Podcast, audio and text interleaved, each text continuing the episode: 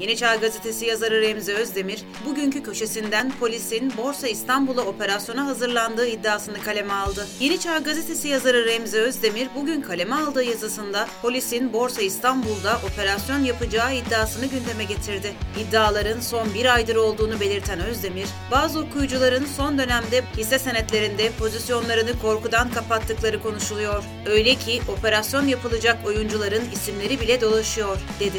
Remzi Özdemir'in yazısı şu şekilde. İstanbul borsasında polisin operasyon yapacağı ve bazı oyuncuların gözaltına alınacağı iddia ediliyor. Aslında bu iddialar son bir aydır var. Bazı oyuncuların son dönemde bazı hisse senetlerinde pozisyonlarını korkudan kapattıkları da konuşuluyor.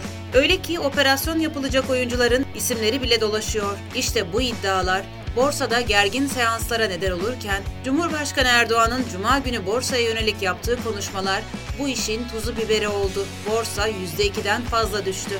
Borsada en son operasyon geçen yıl Eylül ayında olmuştu.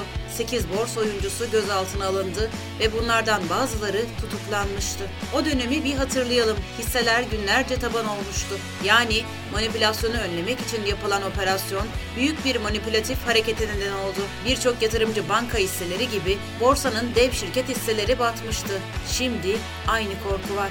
Bir gazeteci olarak uzun süredir bu operasyon iddialarını araştırıyorum. Görüştüğüm üst düzey yetkililer bu operasyon iddialarını yalanlıyor. Zira polis operasyonunun millet ağzında sakız olmayacak kadar gizli yürütüldüğü belirtiliyor. Peki operasyon iddialarının arkasında ne var? Cumhurbaşkanı başta olmak üzere SPK'nın rahatsız olduğu hareketler var. Bunlar hem şirket patronu hem de oyuncu. Yani borsanın en önemli sorunu trader değil insider daha açık bir dille içeriden bilgi ticareti yaklaşık 20 kadar halka açık şirket patronunun piyasa oyuncularıyla kol kola olduğu bilinen bir gerçek. İkinci sorun Twitter ve Telegram gibi kanallar üzerinden küçük yatırımcıya kurulan tuzaklar.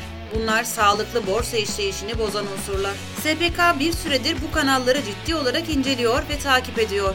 Bunlara yönelik SPK düzenlemesi yapılıyor. Yani Twitter'da adam herhangi bir hisseyi pazarlıyor ama incelemede adamın o hisseyi hiç alıp satmadığı görülüyor. Tabii ki arka planda bunu para karşılığı mı yaptı yoksa farklı bir hesaptan mı yaptı bilinmiyor.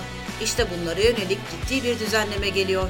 Yani manipülasyon ve insider'a yönelik hem hapis hem de büyük para cezalarını kapsayacak yasal düzenleme de kısa süre içinde meclise gelecek.